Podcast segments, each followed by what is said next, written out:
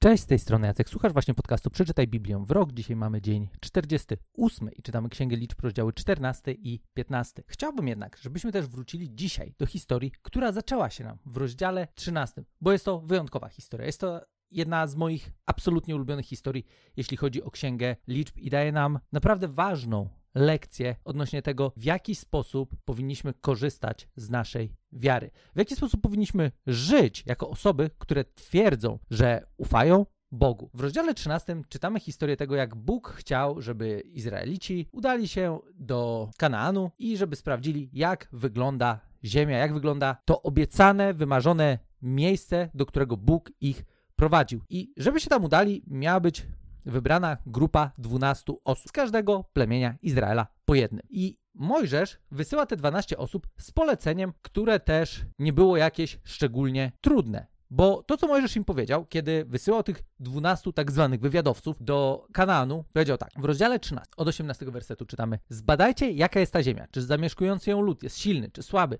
czy jest liczny, czy nieliczny, czy, zie czy ziemia, którą zamieszkuje, jest bogata, czy uboga, czy miasta, w których mieszka, to obozowiska, czy warownie, czy ziemia uprawna jest żyzna, czy jałowa, czy rosną tam drzewa, czy nie. Bądźcie przy tym odważni. Przynieście też coś z płodów tej ziemi, a była to właśnie pora dojrzewania winogron. No i ekipa poszła do tej ziemi, zbadała tą ziemię, przeszła ją wzdłuż i wszerz, przynieśli jakieś tam łupy w postaci mm, chociażby winogron, który musieli nieść na drążku, były tak ogromne, e, jabłka granatu, figi i czytamy kawałek dalej, że po powrocie udali się do Mojżesza i do Aarona, stanęli też przed całym zgromadzeniem Izraelitów w Kadesz na pustyni Paran. Tam zdali sprawę im oraz całemu zgromadzeniu. Pokazali także płody ziemi, które ze sobą przynieśli. Opowiedzieli Mojżeszowi wszystko po kolei. Przyszliśmy do ziemi, do której nas wysłałeś i przekonaliśmy się, że rzeczywiście opływa ona w mleko i miód, Zobacz jej owoce, jednakże lud mieszkający w tej ziemi jest silny. Miasta są obwarowane i bardzo wielkie. Widzieliśmy tam też potomków Anaka. W ziemi Negeb mieszkają Amalekici, Hetyci, Jebuzyci i Amoryci, zamieszkują góry, a Kananejczycy mieszkają nad morzem, także wzdłuż Jordanu. Na tę wieść lud oburzył się na Mojżesza, także Kaleb zaczął uciszać niezadowolonych. Najedziemy tę ziemię odważnie, przekonywał i zdobędziemy ją. Na pewno zdołamy ją zdobyć. Zróbmy sobie tutaj chwilę przerwy. Okazuje się, że relacja, którą zdali ci wywiadowcy, ona w zasadzie była dokładnie tym, co mieli się dowiedzieć, to co mieli sprawdzić. No bo tak, mieli sprawdzić, jakie są miasta, mieli sprawdzić, jaka jest ziemia, mieli sprawdzić, kto tam mieszka, czy silni, czy nie. To wszystko to są rzeczy, które oni mieli zrobić. To nie jest tak, że oni zdali relację, która była jakkolwiek niezgodna z tym, co było ich zadaniem. Ważne jest to, że w zadaniu była jedna ważna rzecz. Bądźcie przy tym odważni. No i to, co się tutaj dzieje, i co widzimy, to jest to, że odważny w tym wszystkim to jest tak naprawdę chyba tylko Kaleb. Znaczy, później jeszcze się dowiadujemy, że Kaleb i Jozue byli tymi, którzy przekonywali lud, że uda im się zdobyć tę ziemię. Tutaj akurat w tym fragmencie, który przeczytałem, na razie tylko Kaleb się odzywa. Ale tak, ekipa powiedziała dokładnie to wszystko, co miała sprawdzić. Na tym wieś lud oburzył się na Mojżesz. I czytamy dalej, że jednak zwiadowcy, którzy jak Kaleb brali udział w wyprawie, twierdzili, nie poradzimy sobie z tym ludem, jest on od nas silniejszy. W ten sposób rozpuszczali wśród Izraelitów złą wieść o ziemi, którą przemierzyli. Ziemia, w której byliśmy na zwiadach, mówi to ziemia niebezpieczna dla tych, którzy chcieliby w niej zamieszkać, jej mieszkańcy, to mężczyźni rośli. Widzieliśmy tam także olbrzymów, potomków Anaka, wywodzących się od olbrzymów. Wobec nich wydawaliśmy się sobie jak szarańcza i tacy byliśmy w ich oczach. I tak kończy się rozdział 13. Ważna rzecz jest taka, Panowie, panowie, wywiadowcy, nikt was nie pytał o to, co wy myślicie o tym, czy sobie poradzicie, czy nie. To nie było ich zadanie. Mogli wejść do tej ziemi, mogli spojrzeć i zobaczyć, okej, okay, dobra, ziemia jest mistrzowska, ta ekipa, która tam mieszka, no okej, okay, nie wygląda to jakoś szczególnie prosto, ale pamiętajmy o tym, że oni mają za sobą historię Bożego działania, który wyciągnął ich już z Egiptu. Nikt ich nie pytał o to, co oni myślą o tej ziemi. Ich zadanie było, żeby sprawdzić, jaka to jest ziemia i żeby przy tym wykazać się odwagą. I jednocześnie dodałbym, że powinni byli wykazać się wiarą, ale wykazali się olbrzymią, olbrzymią, po raz kolejny, po raz kolejny, niewiarą, bo stwierdzili, że no nie, no na pewno tam nie wejdziemy. I w ogóle wydawaliśmy się wobec nich jak szarańcza, tacy byliśmy w ich oczach. Yy, ważna rzecz jest taka, tam, tam, tam ci ludzie ich nie widzieli. I kiedy później, co jest bardzo ciekawe, kiedy później będziemy czytać dalej historię, jak Izrael już zdobywa miasta, to pojawi się tam hasło, że tak naprawdę ludzie w tamtej ziemi, o której tutaj właśnie czytamy, że nie, oni nas rozniosą w pył, oni byli przerażeni. Wiecie dlaczego? Bo słyszeli o tym, jak Bóg wyprowadził Izraelitów z Egiptu. Tak naprawdę ci ludzie, którzy byli w tej ziemi, mieli większą wiarę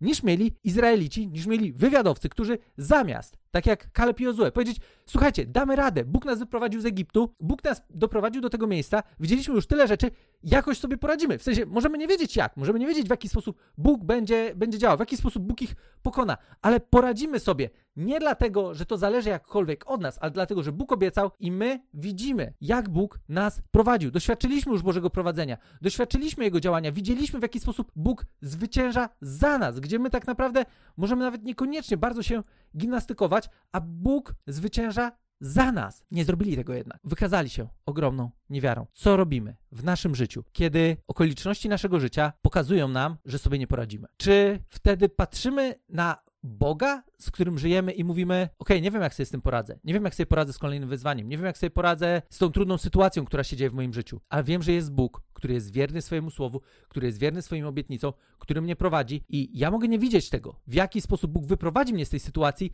ale mogę być pewny tego, że On może i chce przynieść rozwiązanie do sytuacji, w której się znajduję. To jest jedna wersja, ale druga może być taka, nie, to na pewno nie wyjdzie, nie, będzie ciężko, nie, to, nie, tamto. I często układamy sobie w głowie taki scenariusz, który, co ciekawe, może być w ogóle niezgodny z rzeczywistością, bo my możemy widzieć jakiś problem, wyolbrzymić go do jakichś monstrualnych rozmiarów i powiedzieć, nie, nie jestem w stanie sobie z tym poradzić. Choć jednocześnie, być może za rogiem już jest rozwiązanie tego i w zasadzie od naszej tylko postawy może zależeć to, czy my faktycznie sobie poradzimy, czy sobie nie poradzimy. To, w jaki sposób Bóg chce nas wyprowadzać z trudnych sytuacji, jest tak naprawdę bardzo często po jego stronie. Wiadomo, czasami my się wpakujemy w jakieś dziwne sytuacje. E, mimo wszystko, Bóg chce nas przeprowadzać przez różne trudności po to, żeby pokazać, kim On jest, żeby pokazać, co On może i żebyśmy tak naprawdę mogli być też świadectwem dla ludzi, którzy być może jeszcze Boga nie znają, może się zastanawiają, może szukają, żebyśmy mogli być tymi, którzy swoim życiem udowadniają, że hej, jest Bóg, bo z tej sytuacji nie miałem prawa wyjść. I nawet jeśli nie miałeś jeszcze w swoim życiu takich sytuacji, to po tych historiach, które już czytaliśmy w Starym Testamencie, sądzę, że spokojnie możesz dostrzec te lekcje, które pokazują nam, że warto trzymać się tego, co jest napisane w Biblii. Warto wykazać się wiarą w to, co jest napisane w Biblii. I nawet jeżeli nigdy czegoś takiego nie widziałem, nawet jeżeli nigdy czegoś takiego nie doświadczyłem, to zawsze możemy powiedzieć: Boże, jeżeli prawdą jest to, co jest napisane w tej książce, to będę w to wierzył i chcę zobaczyć, jak działasz. To w zupełności wystarczy, żeby zacząć żyć życiem, w którym dzieją się rzeczy, których zwyczajnie byśmy się nie spodziewali. To, co mieli zrobić wywiadowcy, to mieli uczciwie sprawdzić, jak wygląda sytuacja. Mieli tak naprawdę zmierzyć się, niejako konfrontować z tym wyzwaniem, które jest przed nimi. Bo nikt nie mówił, że wejście do ziemi obiecanej będzie proste. Nikt nie mówił, że to będzie od tak, wchodzimy i wszyscy na nas czekają i o, ale fajnie, że przyszliście, super, zostawiamy miasta, zwijamy się. Nie zmienia to jednak tego, że Bóg miał przygotowane rozwiązanie na wszystkie trudności, którymi oni mieli się zmierzyć. Finał tej historii jest taki, że Bóg po raz kolejny, po raz kolejny nie jest szczególnie zadowolony tą całą sytuacją i po raz kolejny proponuje Mojżeszowi, słuchaj Możesz, to może, może słuchaj, pozbędziemy się tej ekipy i słuchaj, wezmę ciebie i zrobimy z ciebie naród, bo, bo tutaj z tą brygadą, no, no nie ma z kim pracować, nie ma z kim pracować, udowadniam im, pokazuję, że jestem ich Bogiem, że mogą na mnie polegać, a oni ciągle i ciągle nie wierzą, e, ale Mojżesz i Aaron, czytamy w 14 rozdziale padli na twarz przed zgromadzeniem synów Izraela. Jozue zaś syn Nuna i Kaleb, syn Jefunego, którzy należeli do grona zwiadowców wysłanych do Kanaanu, rozdarli swoje szaty, powiedzieli wobec wszystkich zgromadzonych, ziemia, przez którą przeszliśmy i którą zbadaliśmy, jest ziemią nadzwyczaj dobrą. Jeśli Pan upodobał sobie nas, to do niej nas wprowadzi. On da nam tę ziemię, opływającą w mleko i miód. Tylko nie buntujcie się przeciw Panu, nie bójcie się mieszkańców tej ziemi. Tak, padną naszym łupem, nie mają osłony, z nami zaś jest Pan, nie bójcie się ich. Kiedy Bóg, kawałek dalej, mówi Mojżeszowi, ile jeszcze, ile jeszcze, ile jeszcze będą mi nie wierzyć, ile jeszcze będę musiał ich znosić, Mojżesz się wstawia, mówi, Boże, damy radę. Wiem, że nie, wiem, wiem, że ekipa jest ciężka, ale damy radę. Bóg w 14 rozdziale w 20 wersecie mówi takie słowa, przebaczyłem im według Twego słowa, ale jak żyję, jak cała ziemia jest pełna chwały Pana, żaden z tych ludzi, którzy widzieli moją chwałę i moje znaki, to czego dokonywałem w Egipcie i na pustyni, a już po dziesięciokroć wystawiali mnie na próbę i nie słuchali mojego głosu, nie zobaczy ziemi, którą przysiągłem ich ojcom.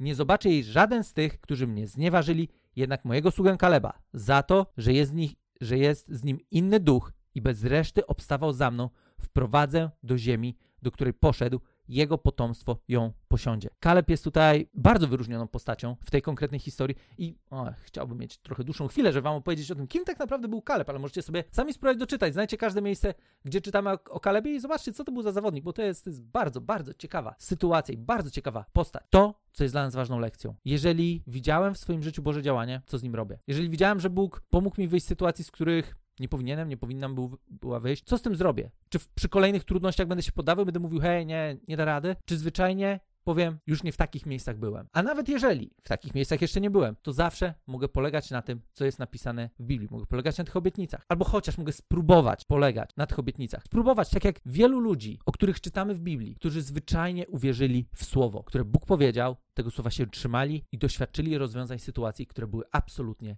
nie do rozwiązania. Jak chcecie, wróćcie sobie chociażby do kobiety, która cierpiała na krwotok, o której rozmawialiśmy kilka odcinków temu. W jaki sposób ona uwierzyła w to, co jest napisane jeszcze w Starym Testamencie i przez to docisnęła się do Jezusa, żeby chociaż dotknąć się Jego szaty. To jest postawa, którą Bóg chce widzieć w naszym życiu. A jeżeli nie chcielibyśmy wykazywać się wiarą, to lepiej, żeby Bóg nam może nic nie pokazywał, żeby Bóg nas nie wyciągał z jakiejś sytuacji, no bo widzicie, tutaj problemem trochę było to, tak jak zresztą Bóg powiedział, żaden z tych ludzi, którzy widzieli moją chwałę i moje znaki, to czego dokonałem w Egipcie i na pustyni, już po dziesięciokroć wystawiali mnie na próbę. Bóg chce działać w naszym życiu, ale chce, żeby to, co On będzie czynił w naszym życiu, wywierało też wpływ na naszą wiarę, żebyśmy dzięki swojemu doświadczeniu wiary, żebyśmy dzięki doświadczeniu wiary innych ludzi mogli położyć w nim ufność i wierzyć w to, że On zrealizuje plan dla naszego życia, doprowadzi nas do miejsca, które dla nas przygotował, kiedy my będziemy Jemu wierzyć. Wielkie dzięki za dzisiaj. Jeżeli macie dodatkowe pytania, wejdźcie na stronę bibliawrok.pl, porozmawiajmy na grupie na Facebooku o tym fragmencie albo jeszcze o innych historiach. Mam nadzieję, że ten odcinek był dla Was wartościowy i do usłyszenia już jutro.